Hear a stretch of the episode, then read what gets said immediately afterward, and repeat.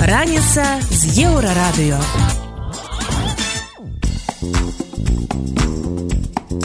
Добрая раніца, вітаем вас на еўрарадыё. Пачынаем праграму раніца з еўрарадыё. Штодзённае шоу пра важныя падзеі, якія ўплываюць на жыццё беларусаў. Галоўнае на гэты момант. Для уладальнікаў карты паляка змянілі тып нацыянальнай візы. Ужо будзе меншая рызыка выяўлення беларускімі ўладамі таго, што патэнцыйнай наяўнасці карты паляка. Што цяпер адбываецца з Віктором Бабарыкам у колонии? Это имеет и функцию запугивания, это имеет и функцию давления, это очень многофункциональная мера. Як Беларусь губляе сваю незалежнасць праз Расію. Нас ужо ўспрымаюць Беларусь як акупаваную захопленую тэрыторыю, якая выкарыстоўваецца і будзе выкарыстоўвацца для далейшага прасоўвання расійскіх вайсковых стратэгічных геапалітычных інтарэсаў на захадзе. Падрабязнасці неўзабаве.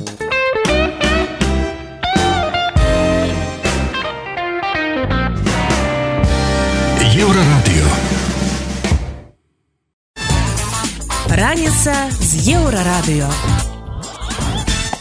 Польша увяла змены пры выдачы віз уладальнікам карты паляка. Цяпер у іх будзе іншая адзнака, якая пазначае мэту выдачы візы. Раней беларусы з карты паляка атрымлівалі візу з лічбай 18 на візавым стыкеры, што аблягчала іх ідэнтыфікацыю. Цяпер ім будзе прысвоены нумар 23. Такія візы у тым ліку выдаюць турыстам. Дзякуючы гэтай змене беларускім уладам будзе больш складана вылічыць наяўнасць карты ў чалавек чалавека. Такое рашэнне было прынята ў сувязі з тым, што расце колькасць рэпрэсій у дачыненні да беларусаў з такім дакументам. Больш падрабязна пра гэта распавядае юрыстка Ганна Маціеўская. Ад 31 студзеня ўжо будзе меншая рызыка выяўлення беларускімі ўладамі таго што патэнцыйнай наяўнасці карты паляка гэта канешне на жаль не выключае рызыка в обшуку да якога людзі часам могуць не быць падрыхтаванымі.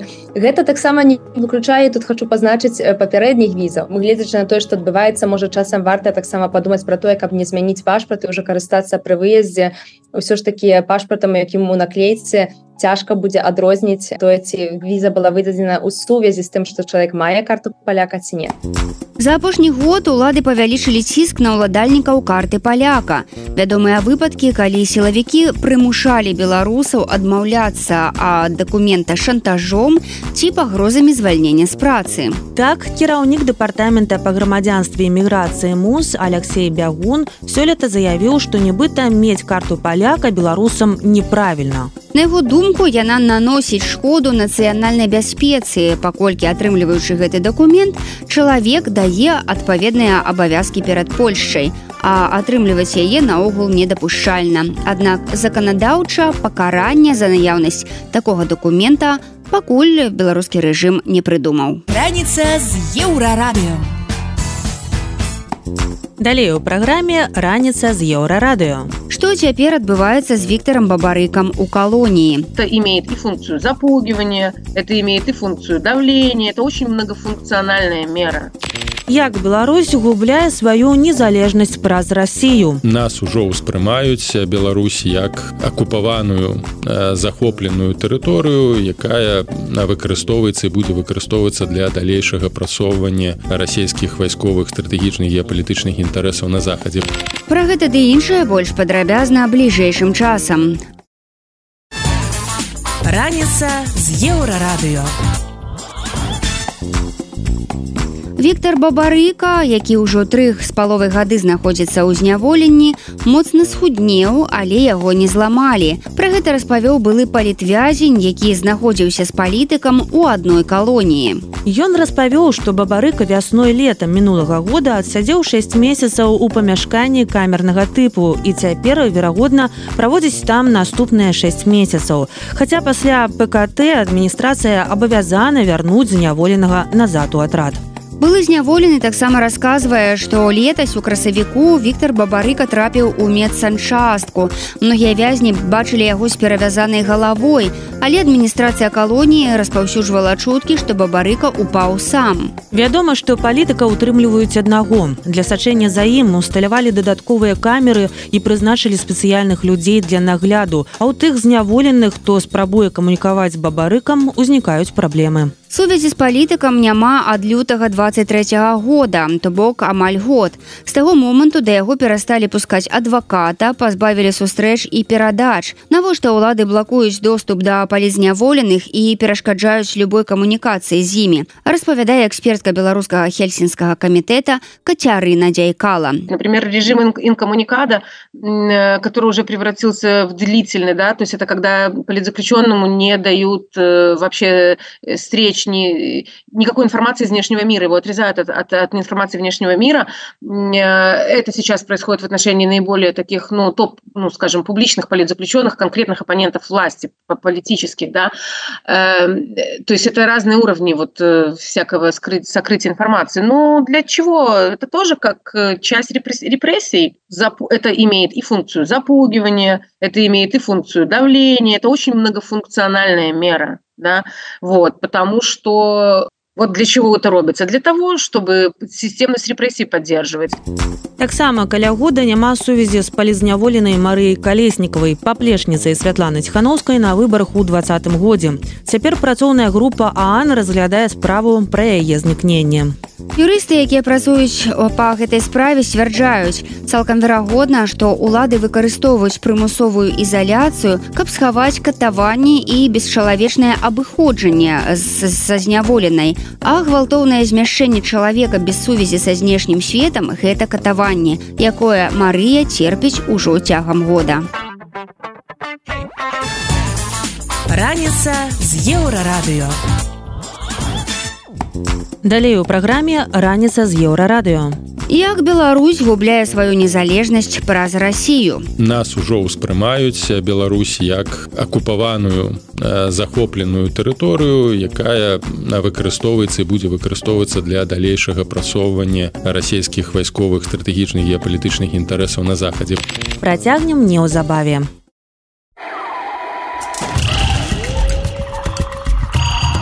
раніца з еўрарадыё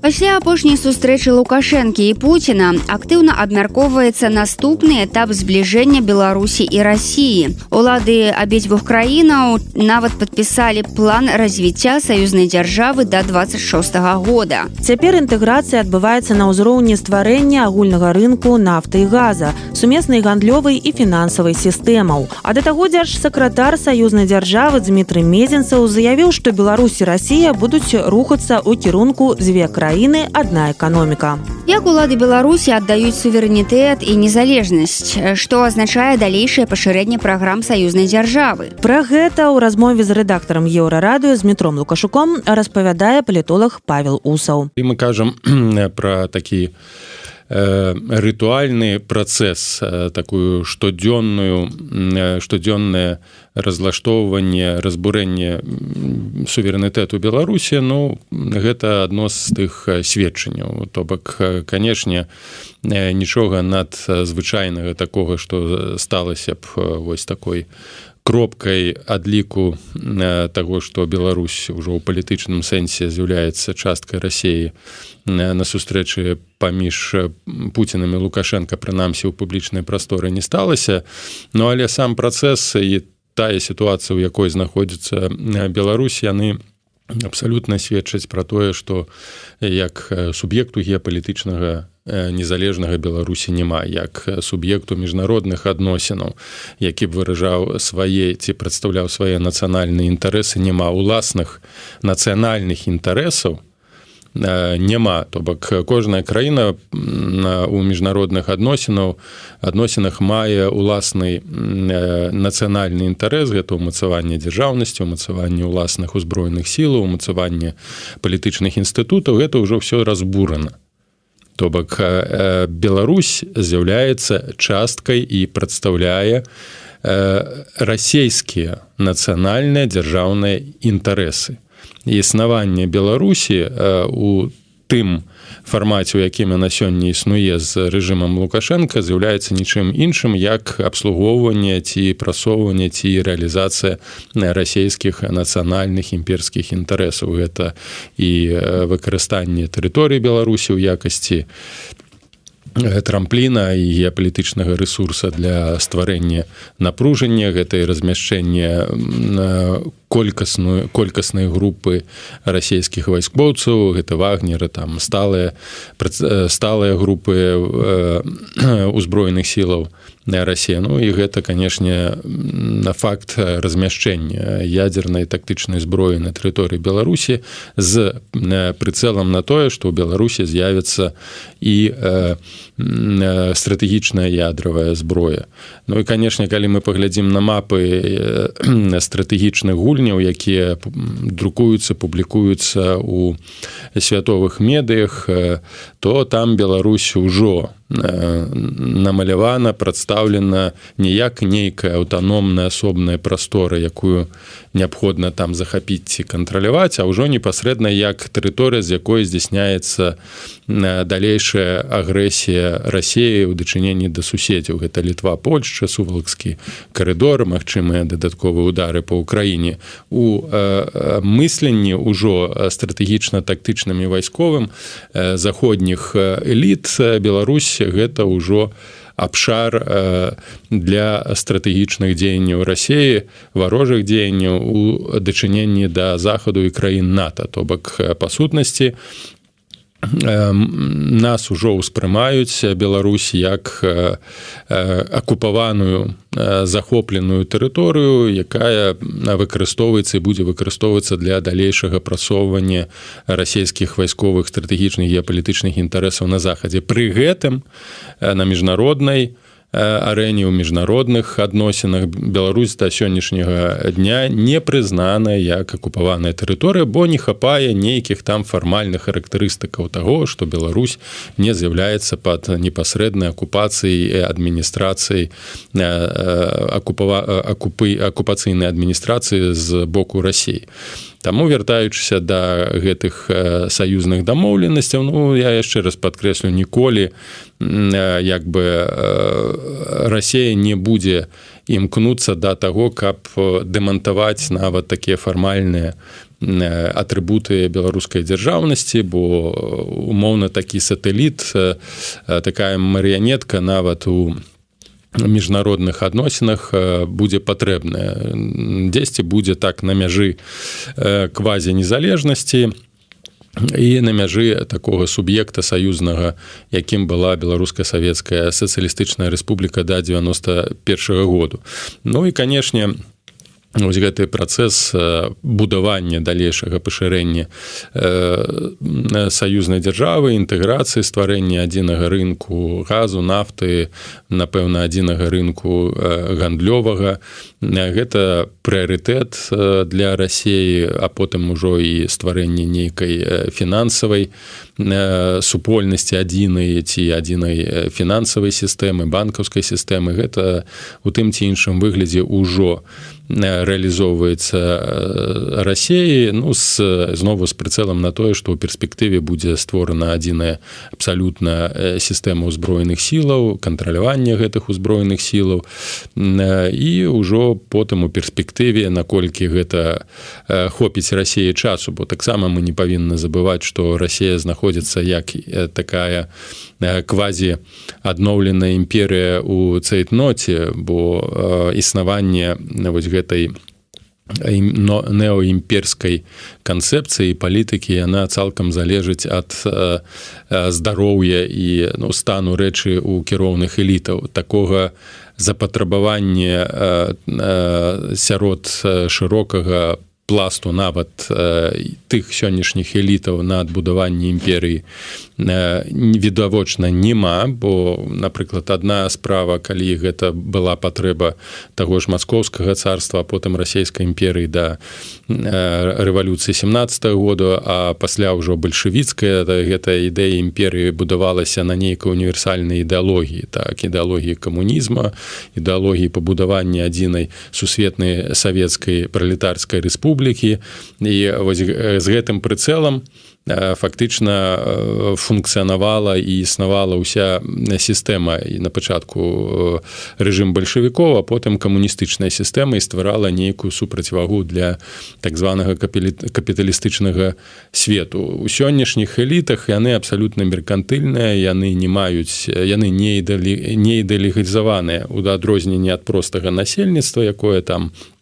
якое корміць там імперскімі байкамі пра вяртанне ў савецкі саюз тыя мільярдэры якія зарабілі велізарныя грошы на рабаванне таго ж самага пралетарыяту расійскага яны хочуць існаваць у межах вось гэтага капіталістычнага свету і не жадаюць яго знішчаць бо гэты капіталістычны свет дае гарантыі для іх уласнага капіталу. Таму яшчэ раз кажу уся вось гэта імперская піраміда яна на сённяшні дзень будуецца не на э, нейкай сур'ёзнай глыбокай ідэалогіі якая б кансалідавала эліты бо гэтыя ж эліты пра якія мы кажам яны спрычыніліся да развалу савецкага саюзу ўсё гэта кДб э, тагачасныя ўсе гэтыя партыйныя банкі партыйныя касы гэта былі тыя Э, ключовыя сілы ўнутраныя якія спрычыніліся да перабудовы і дэмантажу э, сістэмы дзеля таго каб легалізаваць тыя капіталы на якіх яны сядзелі так званая золата парта якое складала каля там э, некаторых звестках каля двух трыльёнаў даляраў што ішло на падтрымку партыі камуністычных на рэвалюцыі так званы на ўзбраенне Афрыкі лацінскай Амерыкі для барацьбы з капіталізмам усе гэтыя ад Пуціна да, да, да грэфа і, і, і іншых гэта якраз такі тыя хто намагаўся лібералізаваць фінансавыя эканамічныя адносіны дзеля таго каб атрымаць абсалютна неабмежаваны доступ да фінансу так вось сярод гэтых так званых эліт там няма і ідэалагічнага абсалютнага ірацыянальнага стаўленне да таго што робіць Расія. Як толькі не будзе Пуціна вось гэтых так званых арлоў ці ці ястрыбаў там шойгу герасімова гэтая піраміда разваліцца. Таму ім неабходна кажу вось наколькі хопіць унутранай энергіі гэтых ўжо можна сказаць геронтаў так так званая герантакратыя бо Росія фарміруецца менавіта такая такое зараз спосаб кіравання і фармат кіравання як позна позняга савецкага саюзу.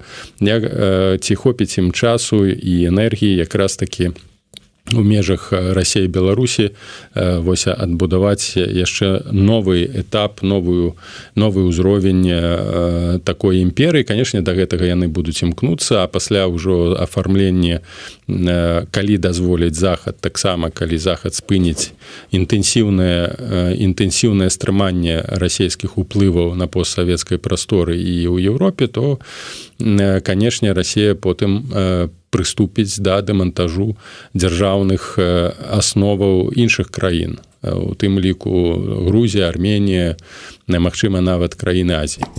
Ці спрабуе лукашенко праз страту незалежнасці краіны захаваць сваю ўладу? І як магла б выглядаць Беларусь без яго? Працягвае павел усаў.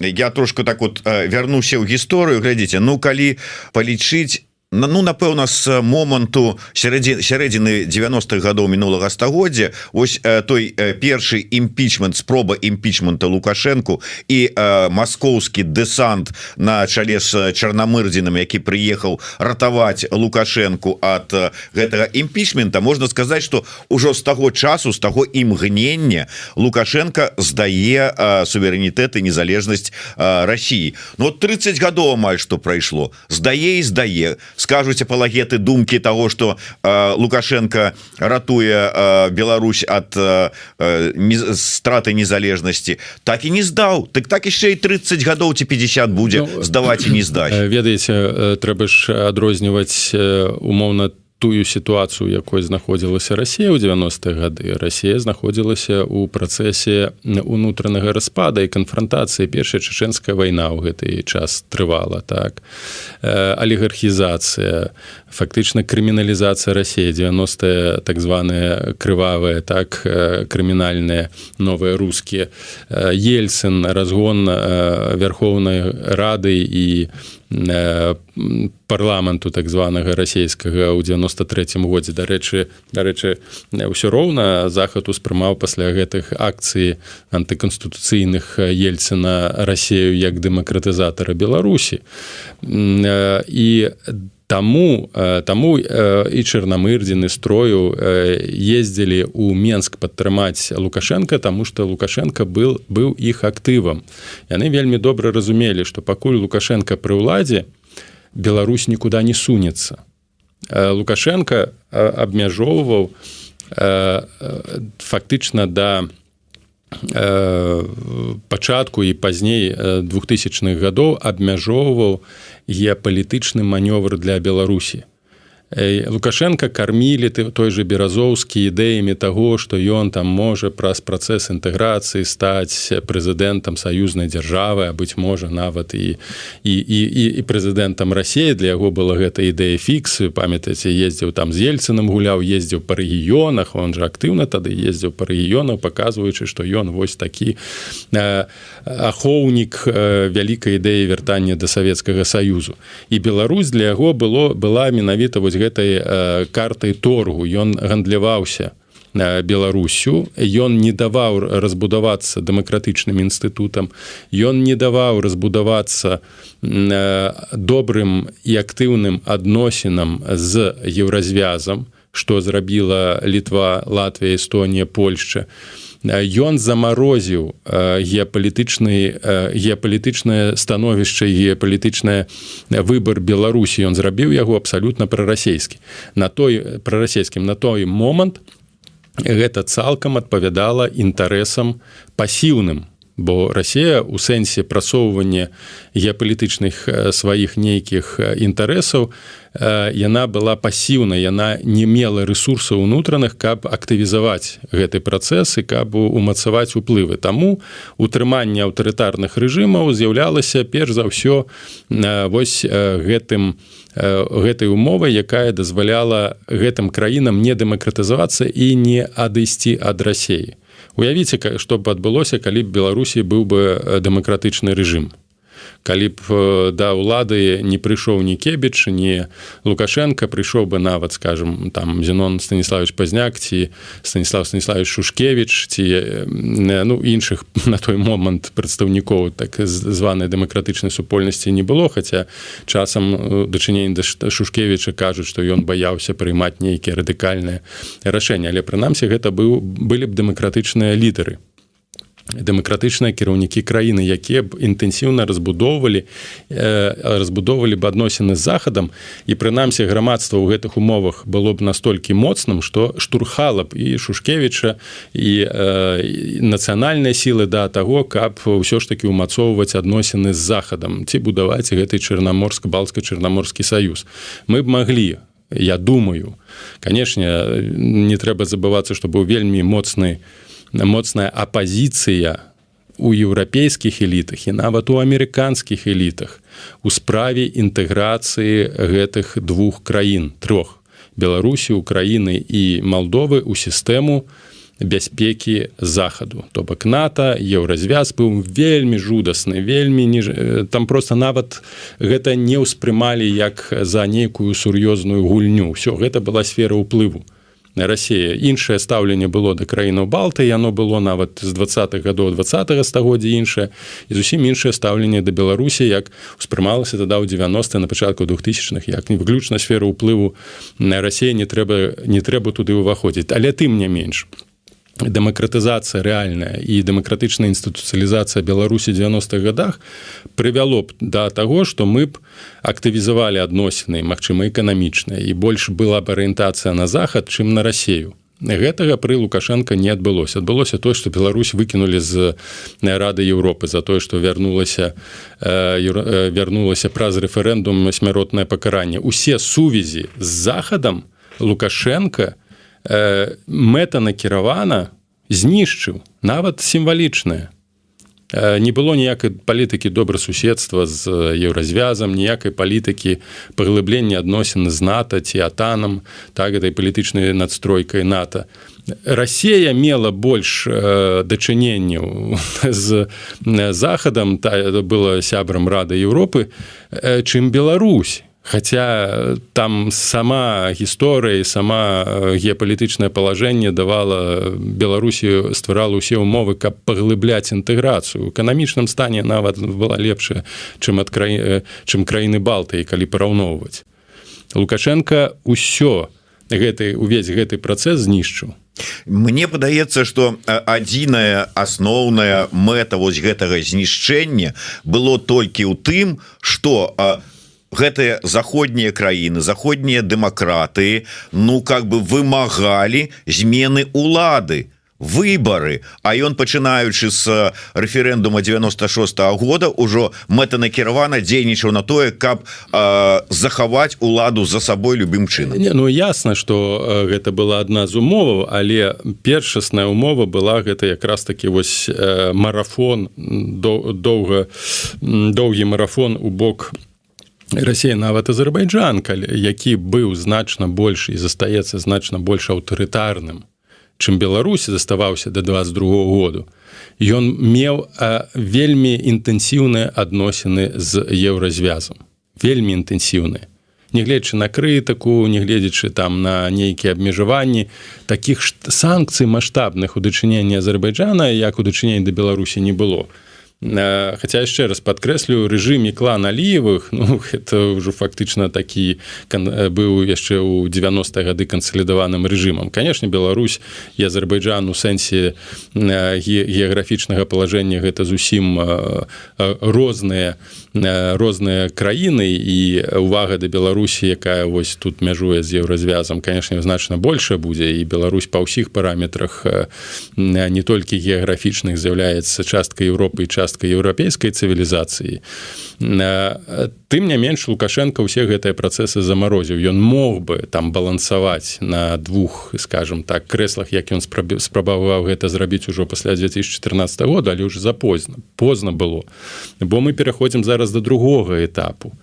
Калі з прыходам Пуціна да ўлады калі з прыходам абсалютна той кансалідаваныя групы ФСБ КГБ ФСБ да ўлады яны як бы хто там не казаў 70соткаў усіх ключовых пасадаў адміністрацыйных фінансавых палітычных займалі былыя былыя функцыянеры КГБ а потым ФСБ і вся эліта фактычна кіроўная цэнтральная гэта былі гэта КГБ ФСБ то змяніўся характар дзеяння рассея она стала вяртацца на імперскія рэйкі. То бок геапалітыка стала больш актыўнай. З пасіўнай чакаючай А каб не адарвалі яшчэ хоць адзін кусок яна стала больш агрэсіўнай з мэтай аднаўлення ўплыву аднаўлення імперыі там квазіімперы карумпаваныя неважна. Але вось гэты такі нарадзіўся нарадзілася місія ратавання рассеі і супрацьстаяння захаду. Гэта быў палітолог павел усаў. Ён распавёў як лукашенко аддае незалежнасць беларусі чаго гэтым дабіваюцца расійскія ўлады і як магла выглядаць наша краіна калі б выбрала еўрапейскі шлях развіцця Раніца з еўрарадыё.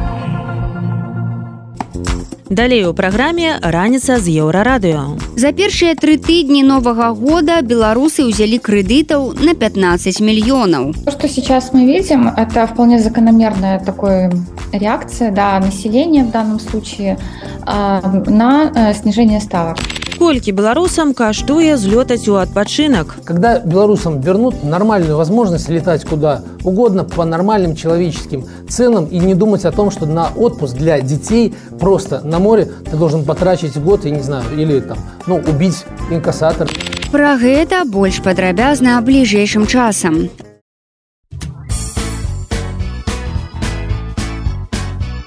Раніца з еўрарадыё.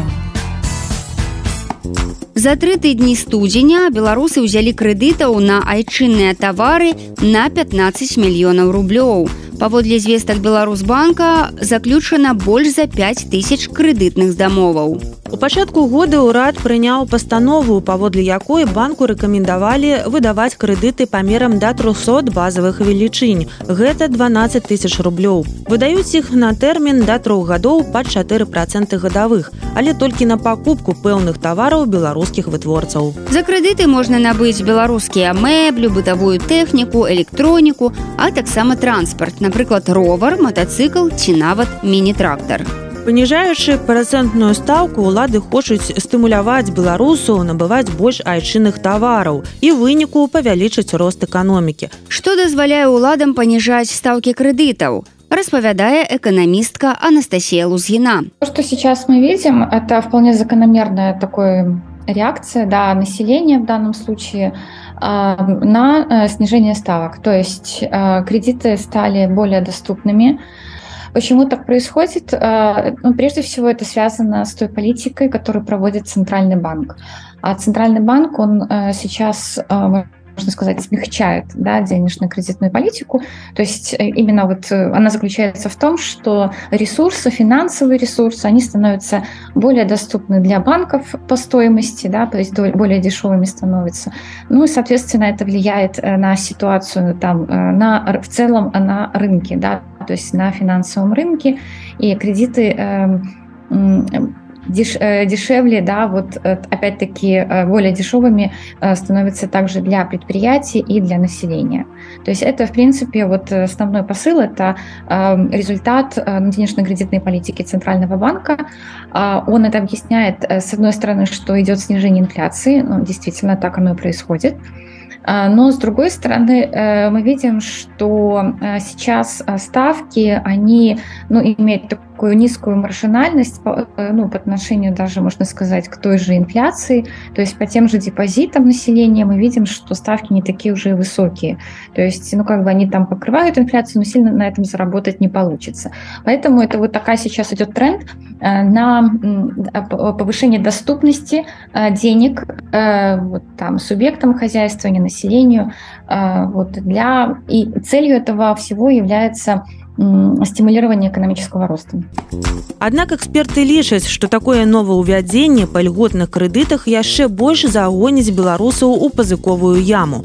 Раней паведамлялася, што грамадзяне нашай краіны павінны банкам больш за 20 мільярдаў рублёў. Гэта чарговы антырэкорд так званага крэдытнага хапуна, праз які нацбанку давялося павысіць некаторыя працэнтныя стаўкі, у тым ліку па пазыках на нерухомасць.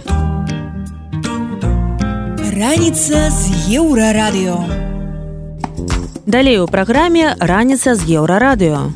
Колькі беларусам каштуе злётаць у адпачынак. Когда белорусам вернут нормальную возможность летать куда угодно по нормальным человеческим ценам и не думать о том, что на отпуск для детей просто на море ты должен потрачить год, я не знаю, или там, ну, убить инкассатор. Падрабязнасці неўзабаве.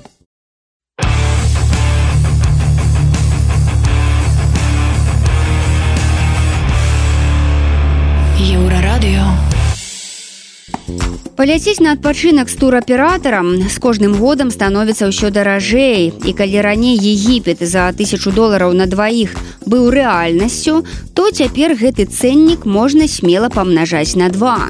Па звестках аднаго са сталічных турагенстваў апошнім часам беларусы аддаюць перавагу падарожам у Турцыю, бо туды нядоўга ляцець. Гэта добры варыянт для сем'яў, бо ёсць опцыя ўсё ўключана. Егіпет жа адышоў на другое месца. На трэцім па папулярнасці ў беларусаў аб'яднаныя арабскія эміраты. Туды можна знайсці гарачы тур за 1500 долараў на дваіх. У асноўным кошты натуры растуць праз працяглы авіяпералёт, цана якога павялічылася ў разы. Бо праз санкцыі пасля пасадкі самалёту Райнер і аблёту тэрыторыі ўкраіны павялічыўся час палёту. Цяпер жа такія туры могуць дазволіць сабе далёка не ўсе. Што павінна адбыцца, каб сітуацыя змянілася, распавядае бизнесовец Александр Кнырович. Когда белорусам вернут нормальную возможность летать куда угодно по нормальным человеческим ценам и не думать о том, что на отпуск для детей просто на море ты должен потрачить год, я не знаю, или там, ну, убить инкассатора для того, чтобы позволить себе оплатить такой отпуск. Но очевидно, когда закончится война. Это в первую очередь. Но во вторую, когда будут ликвидированы последствия вот этой стремительной спецоперации по захвату судна. Когда-то это, конечно, закончится. Но дальше встанет вопрос. А нам вообще нужна такая авиакомпания? Ну вот это Белавия, которая вообще-то и не собиралась бороться за эффективность. Я, конечно, не специалист в авиации – но если вы почитаете, как борются за эффективность лоукостеры, как они выверяют каждую копеечку расходов для того, чтобы позволить себе предоставлять э, покупателям такие низкие цены, то вы найдете очень много интересного. И ключевое там будет количество рейсов в день. Так достигается эффективность использования авиапарка. Так лизинговые платежи становятся ну, вполне себе посильными. И так можно обеспечить достойный уровень цен для покупателей. Я себе не представляю, чтобы Белавия в сегодняшних условиях или вообще когда-либо начала бороться за себестоимость. Зачем стараться? Ну, зачем стараться руководству Белавия, если можно просто поднять цены, продавать билеты в Стамбул по 450 евро? И куда они денутся с подводной лодки? И тут у нас с вами есть всего два варианта. Я говорю у нас с вами, потому что Белавия вообще-то государственная авиакомпания и принадлежит каждому белорусу. И вообще-то должна работать на его благо. В первую очередь заботясь не о собственных показателях и не о, я даже не знаю о чем, о красивой картинке, о новых каких-то логотипах, а заботясь о том, чтобы белорусу было удобно и дешево летать туда, куда ему хочется. Либо ну, нужно разгонять этот балаган и проводить нормальный конкурс на использование белорусского аэропорта. Расположение хорошее. Сам аэропорт выглядит вполне прилично. Ну, задумайтесь, что национального в национальном авиаперевозчике Белави, кроме красивой картинки на хвосте. Я знаю, чем отличается белорусская авиакомпания от всех остальных. Там в полете бесплатно раздают советскую Беларусь. Мне кажется, этого достаточно, чтобы называться нацыянальным авіяперевозчыкам. Раней за кошт цяперашніх тураў можна было наведаць далёкія і экзатычныя краіны. Напрыклад, за 2000 долараў узлятаць на мальдывы ці ў далёкія краіны Афрыкі. Праз скарачэнне супрацоўнікаў еўрапейскіх амбасад падарожнічаць у еўрапейскія краіны беларусам таксама стала больш складана. Запісы ў візавых цэнтрах на некалькі месяцаў наперад, а месцаў вылучаюць вельмі мала. Тыя, у каго атрымалася зрабіць візу, часцей абіраюць астраўную частку Грэцыі, Іспанію і Італію. Раніца з еўрарадыё.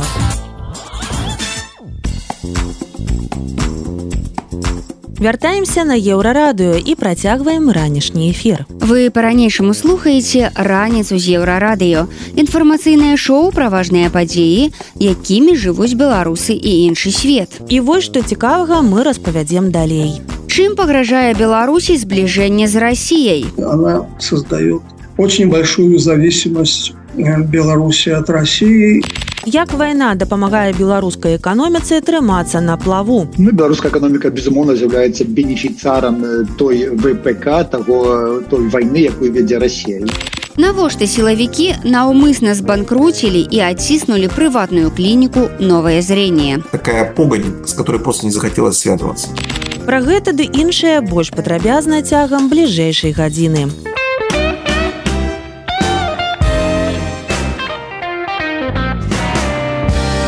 Еўрарадыё. Раніца з еўрарадыё. Беларусь хутка стане часткай рассіі. Адказ на гэтае пытанне дакладна невядомы, але Лукашенко і Пуін надоечы зацвердзілі новыя праграмы інтэграцыі на бліжэйшыя два гады, што ў іх ніхто не ведае.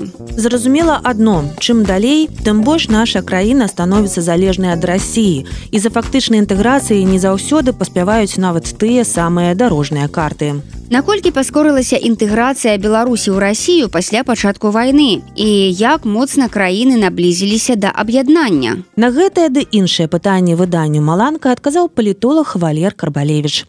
Это вялотекущий процесс э, с одной стороны, а с другой стороны э, ну, на, на какой-то новый уровень этот процесс интеграции выходит, происходит унификация экономического законодательства, унификация э, макроэкономической политики. Хоть пока это и не ведет к каким-то серьезным интеграционным прорывам, никаких наднациональных органов э, не создано. Вот этот налоговый комитет, о котором говорят довольно давно, только в этом году предполагается его создание, и то с достаточно ограниченными функциями. Он не может быть органом управления, он скорее какой-то орган координации. Поэтому э, мы можем говорить только про э, действительно э, унификацию экономического законодательства, причем, ну, наверное, по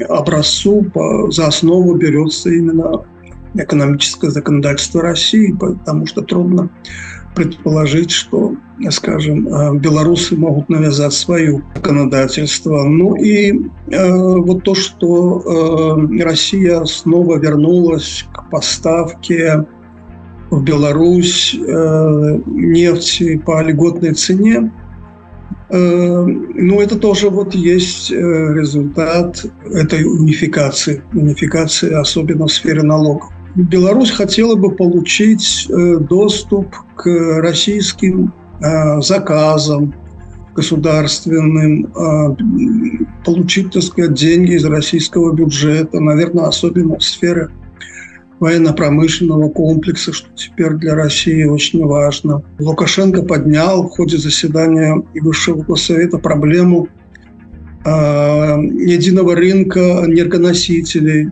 то есть э, в переводе на понятный язык Беларусь хотела бы получать нефть и газ по внутрироссийским ценам.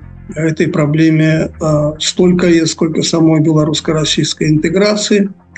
Минск все время поднимает этот вопрос, но Москва э, не готова пока идти на уступки. На заседании Высшего Госсовета принято решение о том, что все программы, 28 союзных программ выполнены.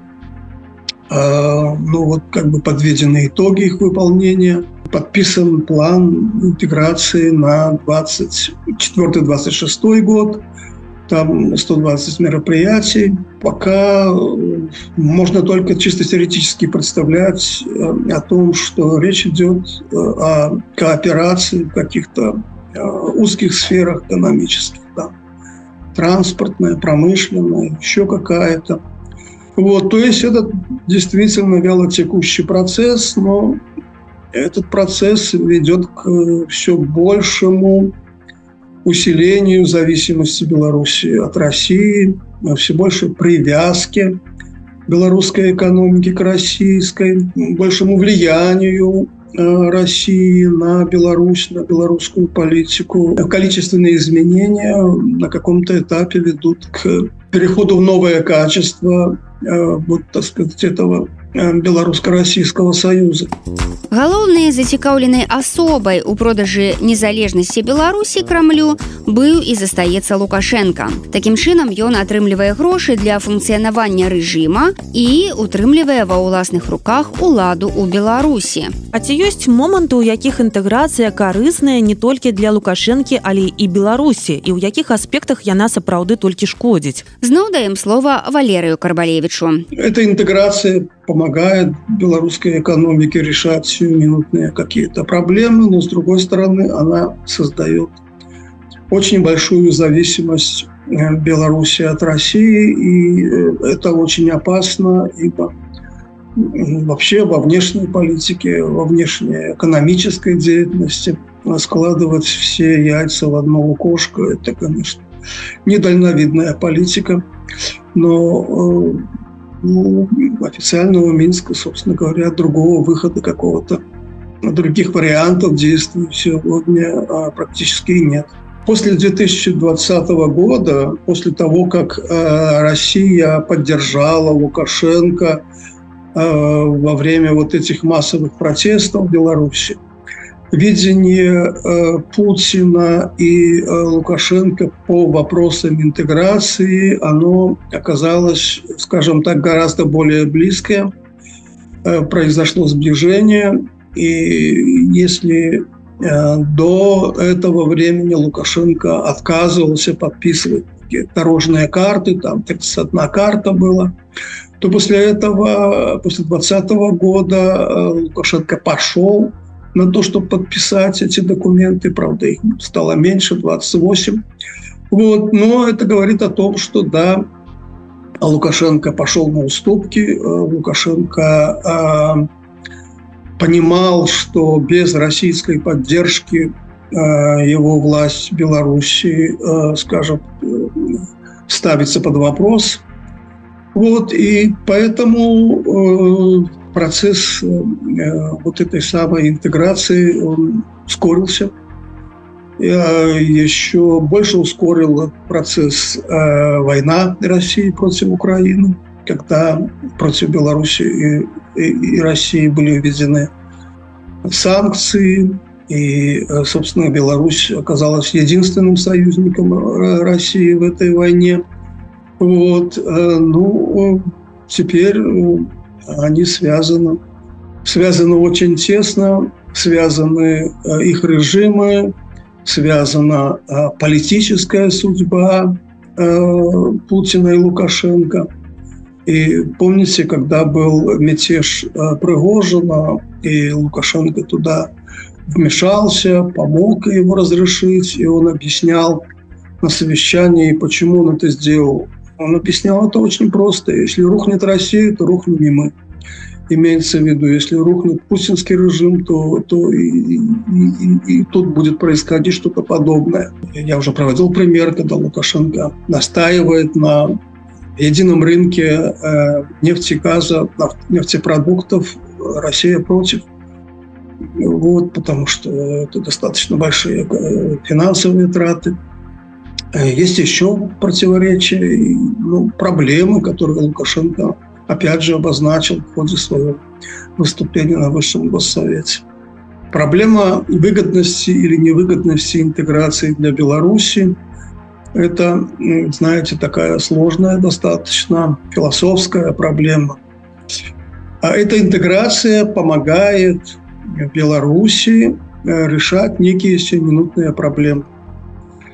А без поддержки России – белорусская а, социально-экономическая модель с доминированием государственного сектора выжить не могла бы. Она бы давно погибла и давно рухнула.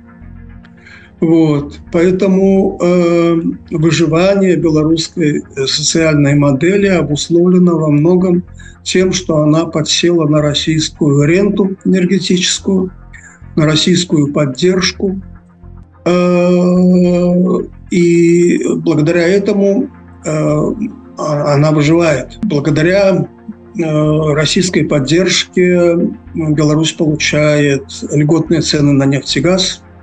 Беларусь получает большой российский рынок не в условиях конкуренции, скажем. Но белорусские предприятия активно участвуют в программах, которые финансируются из российского бюджета федерального.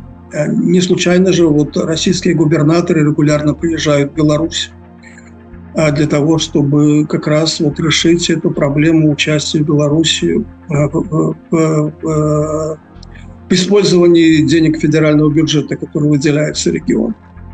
Вот. Беларусь получает российские кредиты, причем не возвращает на что я хочу обратить внимание. То есть, когда приходит время их возвращать, происходит их реструктуризация, э, их возвращение переносится на, на, на более дальний срок, долголетний срок и так далее. Вот.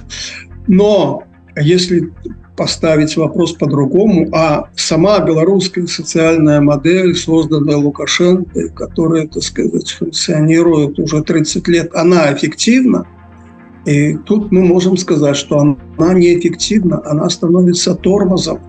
Она стала тормозом экономического, социального развития. Она блокирует это развитие.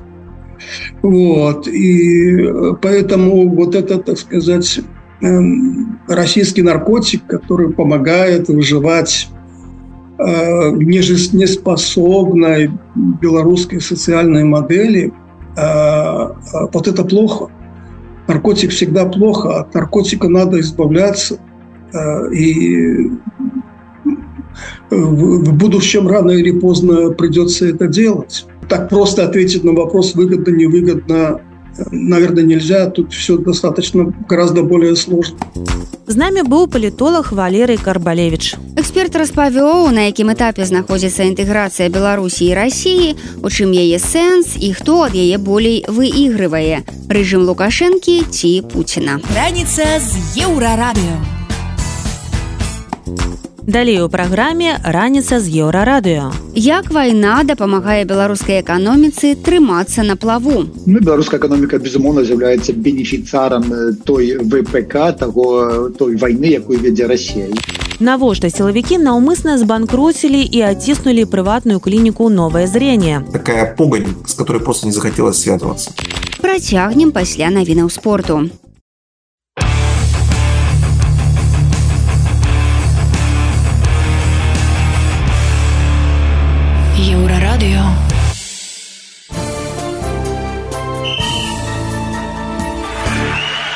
На еўрарадыё навіны спорту. У беларускай хакейнай экстралізе ў шахцёра ўжо тры паражэнні запар. Салігорцы прайгралі дома жлобінскаму металургу 4-5. Тым не менш шахцёр працягвае лідыраваць у яго 76 ачкоў. У віцебска на 4 менш і матч у запасе. У баскетбалістак мінска 17 перамога запар у чэмпіянаце беларусі. У гродні яны разграмілі мясцовую вікторыю з фантастычным лікам 130-29 у мінска стала 34 ачкі. У гарызонта на два менш і гульня ў запасе. Брэская дынама подпісала контракт з форвардам германам баркоўскім. У мінулым сезоне ён выступаў за энергетык бДУ забіў 6 галоў. у Трыбуна нагадвае, што цікавасць да футбаліста была з боку гродзенскага нёмана мінскага дынама і батэ. Упершыню з 2016 года еўрапейскія футбольныя клубы за каляндарны год зарабілі больш, чым выдаткавалі. Розніца склала больш за 600 мільёнаў долараў. Гэта вынікае са справаздачы FIFA па трансферах у мінулым годзе. Тайландская паліцыя просіць не пералічваць грошы фэйкаваму хабі алонса а шуканец які выдае сябе загалоўнага трэнера байера піша ў нстаграм на тайскай мове што яму не хапае на білет у великкабрытанію і просіць яму дапамагчы. Да таго ж ён сцвярджае што ў наступным сезоне дакладна будзе галоўным трэнерам ливерпуля з якога сыходзіць юрген клоп. Гэта былі навіны спорту. Заставайцеся на еўрарадыё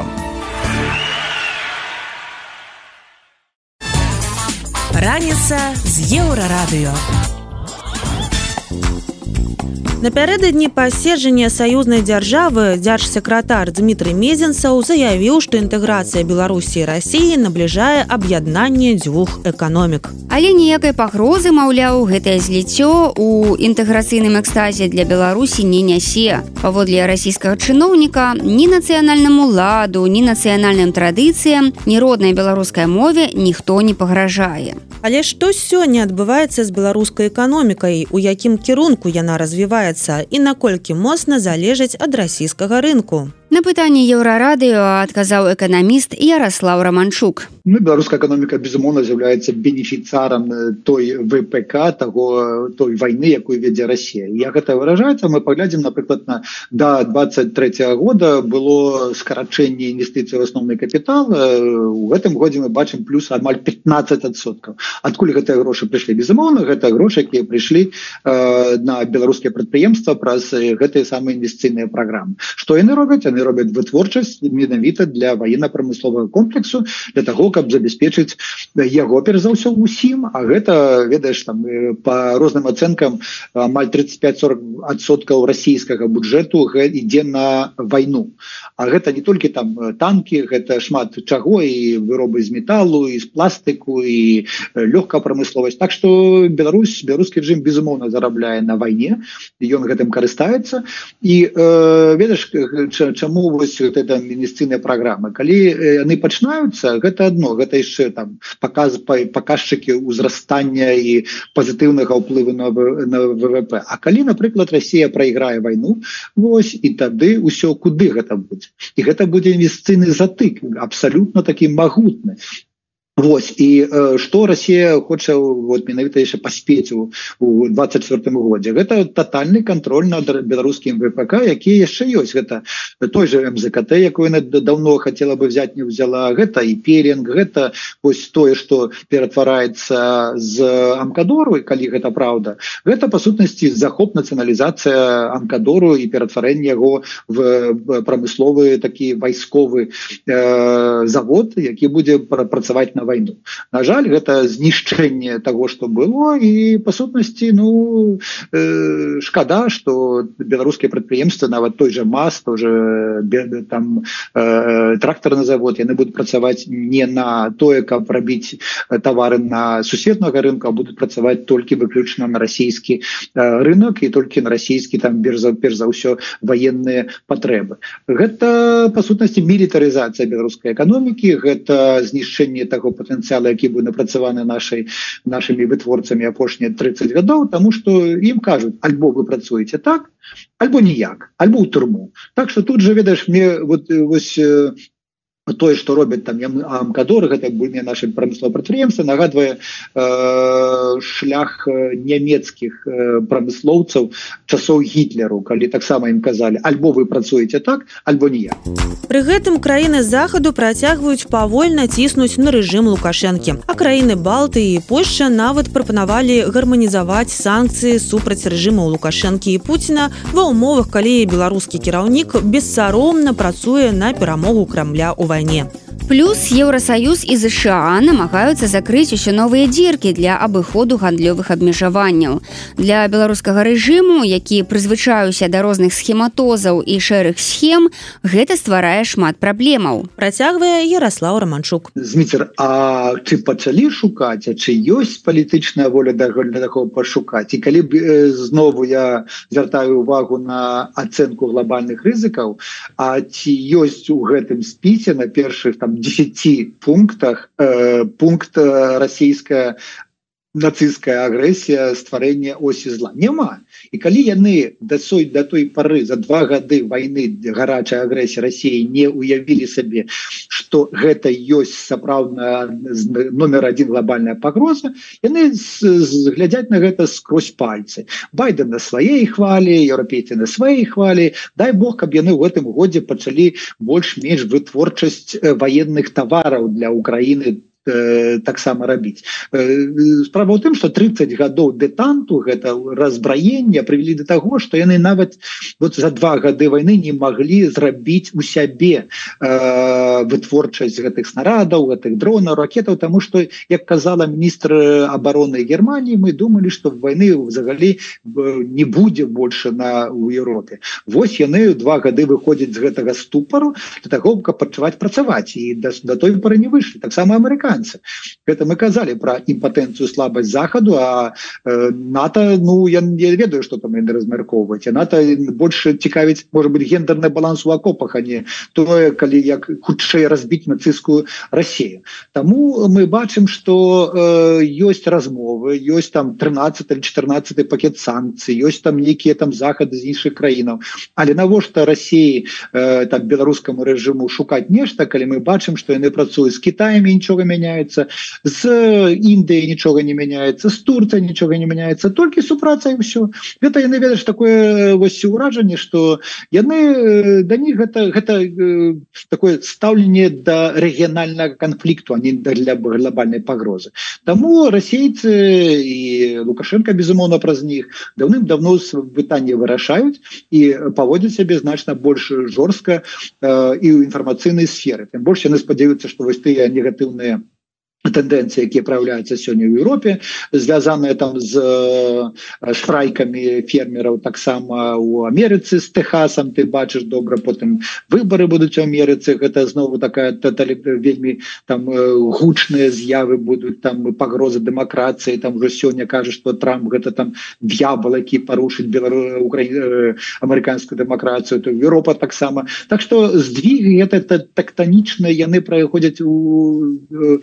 у цэлым свеце і таму рашысты з беларускім рэжымам з іранам з паўночнай кареі яны добра у гэта ўсё паўднё збудаваліся і робяць свае справы свае бізнесы ніхто на жаль ім не запярэча нават такое просто здалося пытанне якое было заморожаныя сродкі на цэнтральнага банку Росіі пусціць на выкарыстанне э, Украінай на закупкі ўзбраення нават гэта просто простае пытанне юрысты заху заходу не могуць вырашыць мы слухали эканаміста Ярослава раманчука. Ён распавёў што адбываецца з беларускай эканомікай ва ўмовах вайны ва ўкраіне і ці атрымліваецца ў заходніх партнёраў ліквідаваць дзіркі ў санкцыях.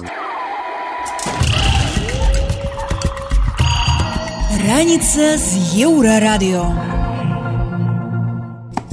Далей у праграме раніца з еўрарадыё. Навошта сілавікі наўмысна збанкруцілі і аціснулі прыватную клініку новае зрение. Такая погань, с которой просто не захотелось связываться. Працягнем пасля навінаў шоу-бізу.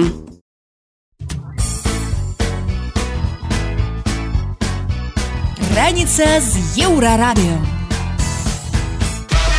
Шоу-біз. Шоу-біз. Зыбош. Навіны шоу-бізу на еўрарадыё. Шведскі мальмё пачынае актыўную падрыхтоўку да конкурсу песні Еўрабачання 2024 адбылося лёсаванне выступаў краін удзельніц у паўфіналах. Прысутны на цырымоніі выканаўчы супервайзер конкурсу мартин эстердаль сказаў што ліверпуль у мінулым годзе ўзняў стандарт правядзення. Таму ён спадзяецца што мальмё будзе абапірацца на гэтую неверагодную працу. Вялікая пяцёрка з краінай гаспадыні удзельнічаюць толькі ў фінале але будуць галасаваць у паўфіналах. У першым германія швецыя і великкабрытанія у другім францыя іспанія і італія конкурс песні еўрабачання пройдзе ў швецыі сёлета сёмага 9 і 11 траўня. Цырымонія ўзнагароджання беларускай прэміі кінакрытыкаў чырвоны верас адбудзецца 17 лютага ў межах еўрапейскага кінарынку берлінскага міжнароднага кінафестывалю. Пра гэта паведамілі арганізатары. На імпрэзе стануць вядомыя пераможцы ў 13 намінацыях Гэта гонар, што ў час гуманітарнага крызісу ў краіне беларускае кіно не губляецца, а наадварот знаходзіць сваімі пляцоўкамі прэстыжныя міжнародныя фестывалі, якім яго патэнцыял і належыць, кажуць сузаснавальнікі прэміі Ірена Кацяловіч і Тарас Тарналіцкі. Мы спадзяемся, што цырымонія ўзнагароджання стане дадатковым натхненнем і матывацыяй для беларускіх кінааўтараў, каб працягваць сваю важную справу. Universal Music Group выдаліць песні сваіх артыстаў з тик-тока. Здарыцца гэта ўжо сёння. Найбуйнейшы музычны лейбл не дасягнуў пагаднення з садсеткай, таму музыка будзе выдалена з пляцоўкі па заканчэнні контракта. Паведамляецца, што тик-ток мае намер працягваць перамовы, але здаецца, што гэта гульня ў доўгую. Найбуйнейшыя артысты лейбла Taylor Swift, The Weekend, Bad Bunny, Drake, Billy Айлиш, Harry Styles, Ариана Гранде і Адель і многія многія іншыя. Раман вядомага беларускага пісьменніка Альгерда Бахарэвіча сабакі Еўропы выйшаў у нямецкім перакладзе Томаса Вайлера ў выдавецтве Волантэнквіст. У садсетцы аўтар піша, мы чакалі яе тры гады і вось яна прыехала з друкарні. Мая кніга пра маю краіну, маю мову і маю Еўропу. Раман ужо разасланы крытыкам, журналістам і рэцэнзентам, а я з радасцю дзякую тым, без каго яна не з'явілася б на свет. Дарэчы, два гады таму беларускія ўлады прызналі раман нібыта экстрэміскім. Першая прэзентацыя рамана на нямецкай мове адбудзецца 22 лютага ў літаратурхаус Берлін. Сам жа пісьменнік святкуе сёння свой дзень нараджэння. Гэта былі навіны шоу-бізу, заставайцеся на еўрарадыё.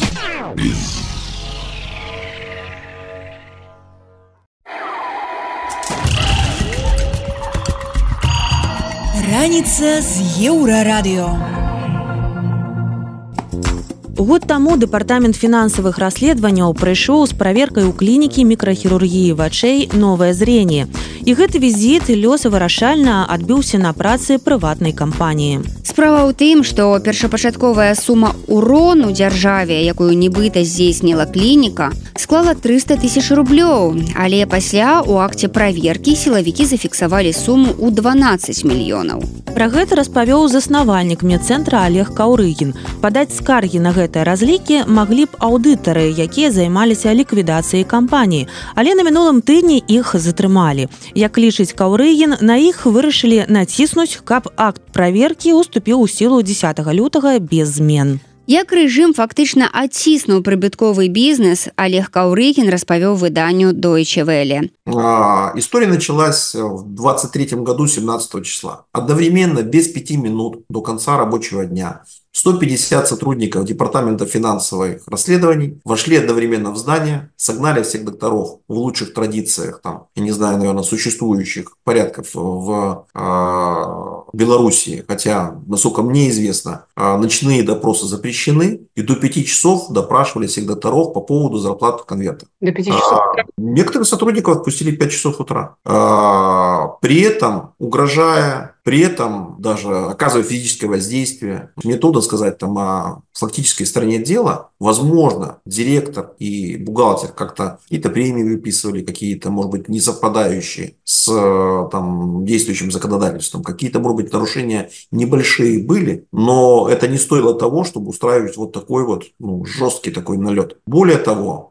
средства на счету предприятия были заморожены моментально, и все деньги, которые поступали от операций, они просто аккумулировались на счету, и ими нельзя было воспользоваться. И не давали а, рассчитаться даже за электричество, за воду, за интернет и за все. То есть это невозможно. То есть всегда предприятию ну, в каких-то ситуациях дают работать э, по заявлению, оплачивают там счет и, ну, там, по крайней мере, вода, электричество, электроэнергия, особенно зимой, все должно работать. А все расходы взял на себя учредитель, то есть он все это сделал. Людям не разрешали выплачивать заработную плату. Все расходы взял на себя учредитель. Значит, э, через неделю интенсивной работы, э, запугивания людей, им удалось там выдавить из них сумму, э, равную там 300 тысячам белорусских рублей, но что составляет примерно сумму там 100 тысяч евро. Для сравнения, это заработок нашей клиники там практически два операционные дня. То есть это вообще ничего. При том, что налогов было оплачено в бюджет ну, каждый год до 6 миллионов долларов. То есть это налоги, связанные с таможенными пошлинами, с НДС, с э, другими сопутствующими налогами, с налогами заработной платы и так далее и тому подобное. Через 6 месяцев напряженной работы, а, изобретая при этом абсурдные параллельные уголовные дела, значит, э, в частности, допустим, они предположили, э, что если бы вы покупали все напрямую у завода, а не у дистрибьютора, ну то есть, допустим, холодильник э, не на заводе, где его произвели, а не, а не в магазине, то прибыль была бы больше, значит, вы не доплатили в бюджет. Возбудили какое-то второе уголовное дело. Чтобы исключить мою работу с этим предприятием в качестве антикризисного управляющего в данный момент, да, чтобы я не мог приехать туда и не мог э, работать спокойно с предприятием, с юристами и так далее. Против меня лично возбудили уголовное дело о хранении боеприпасов Республики Беларусь. А, так как я не живу 12 лет в Республике Беларусь, не являюсь гражданином этой страны, я не имею ни квартиры, ни дома, вообще ничего, то вы сами понимаете абсурдность этих всех обвинений. А где они их нашли? Они нашли их в доме, который принадлежал мне 12 лет назад, который был при разводе оставлен там, мною, под, подарен там, малолетней дочери. Этот дом был фактически продан другому человеку, который проживал в нем 7 лет. В нем открыто стоял сейф, которым он пользовался. И вот данный гражданин, который проживал там под воздействием этих органов, заявил, что это горсть патронов, куча обоим от пистолета ГЛОК и там снайперских винтовок принадлежит, вероятнее всего, что мне. У меня в Беларуси было с 2011 года против меня возбуждено три уголовные дела, которые закончились а, закрытием за отсутствием состава преступления. С 11 по 17 год они 7 лет трепали мне нервы. Сейчас они открыли против меня еще три дела, насколько мне это известно. Я не получил никаких от них документов, да, кроме косвенных каких-то данных там, ну, о том,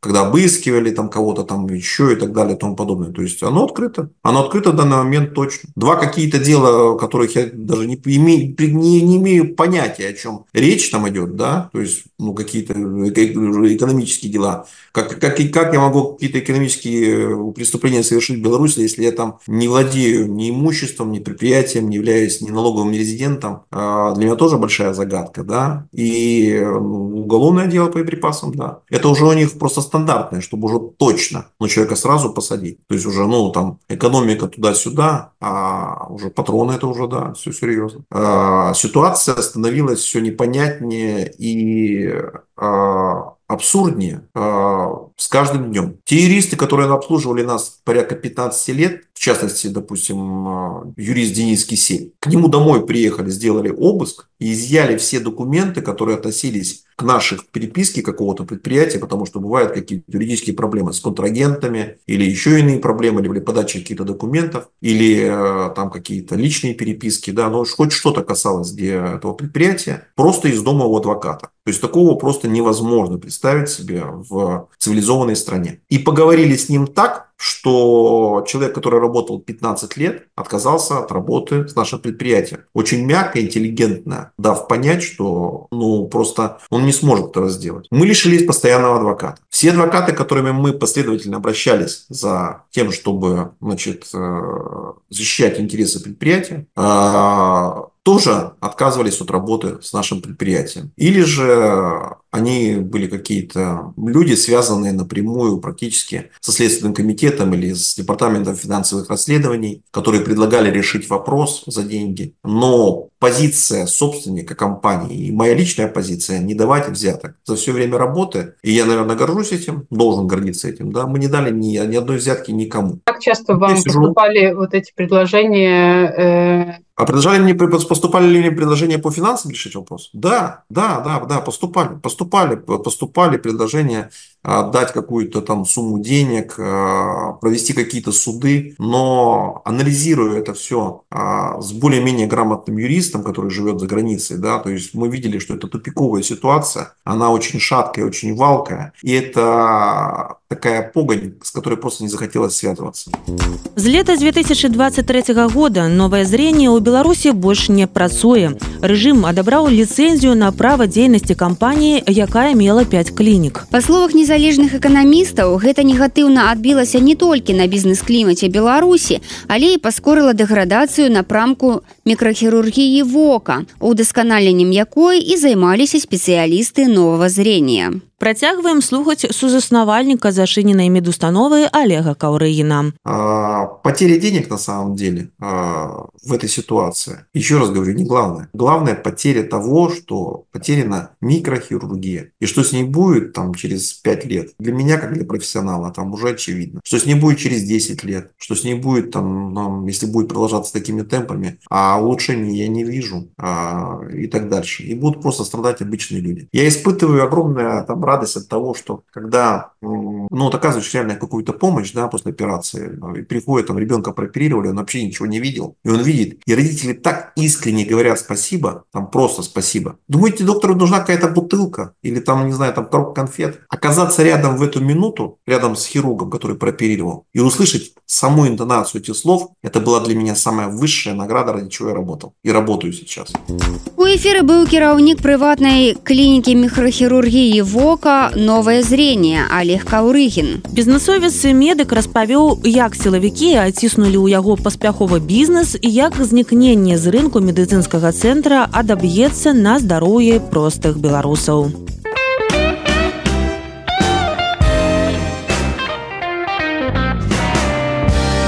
Еўрарадыё. Гэта былі самыя важныя навіны і сэнсы раніцы з еўрарадыё. Заўтра ранкам мы зноў распавядзем вам пра галоўнае, што адбываецца ў краіне і свеце. Сустракаемся ў той жа час у тым жа месцы. Беражыце сябе. Пачуемся. Раніца з еўрарадыё.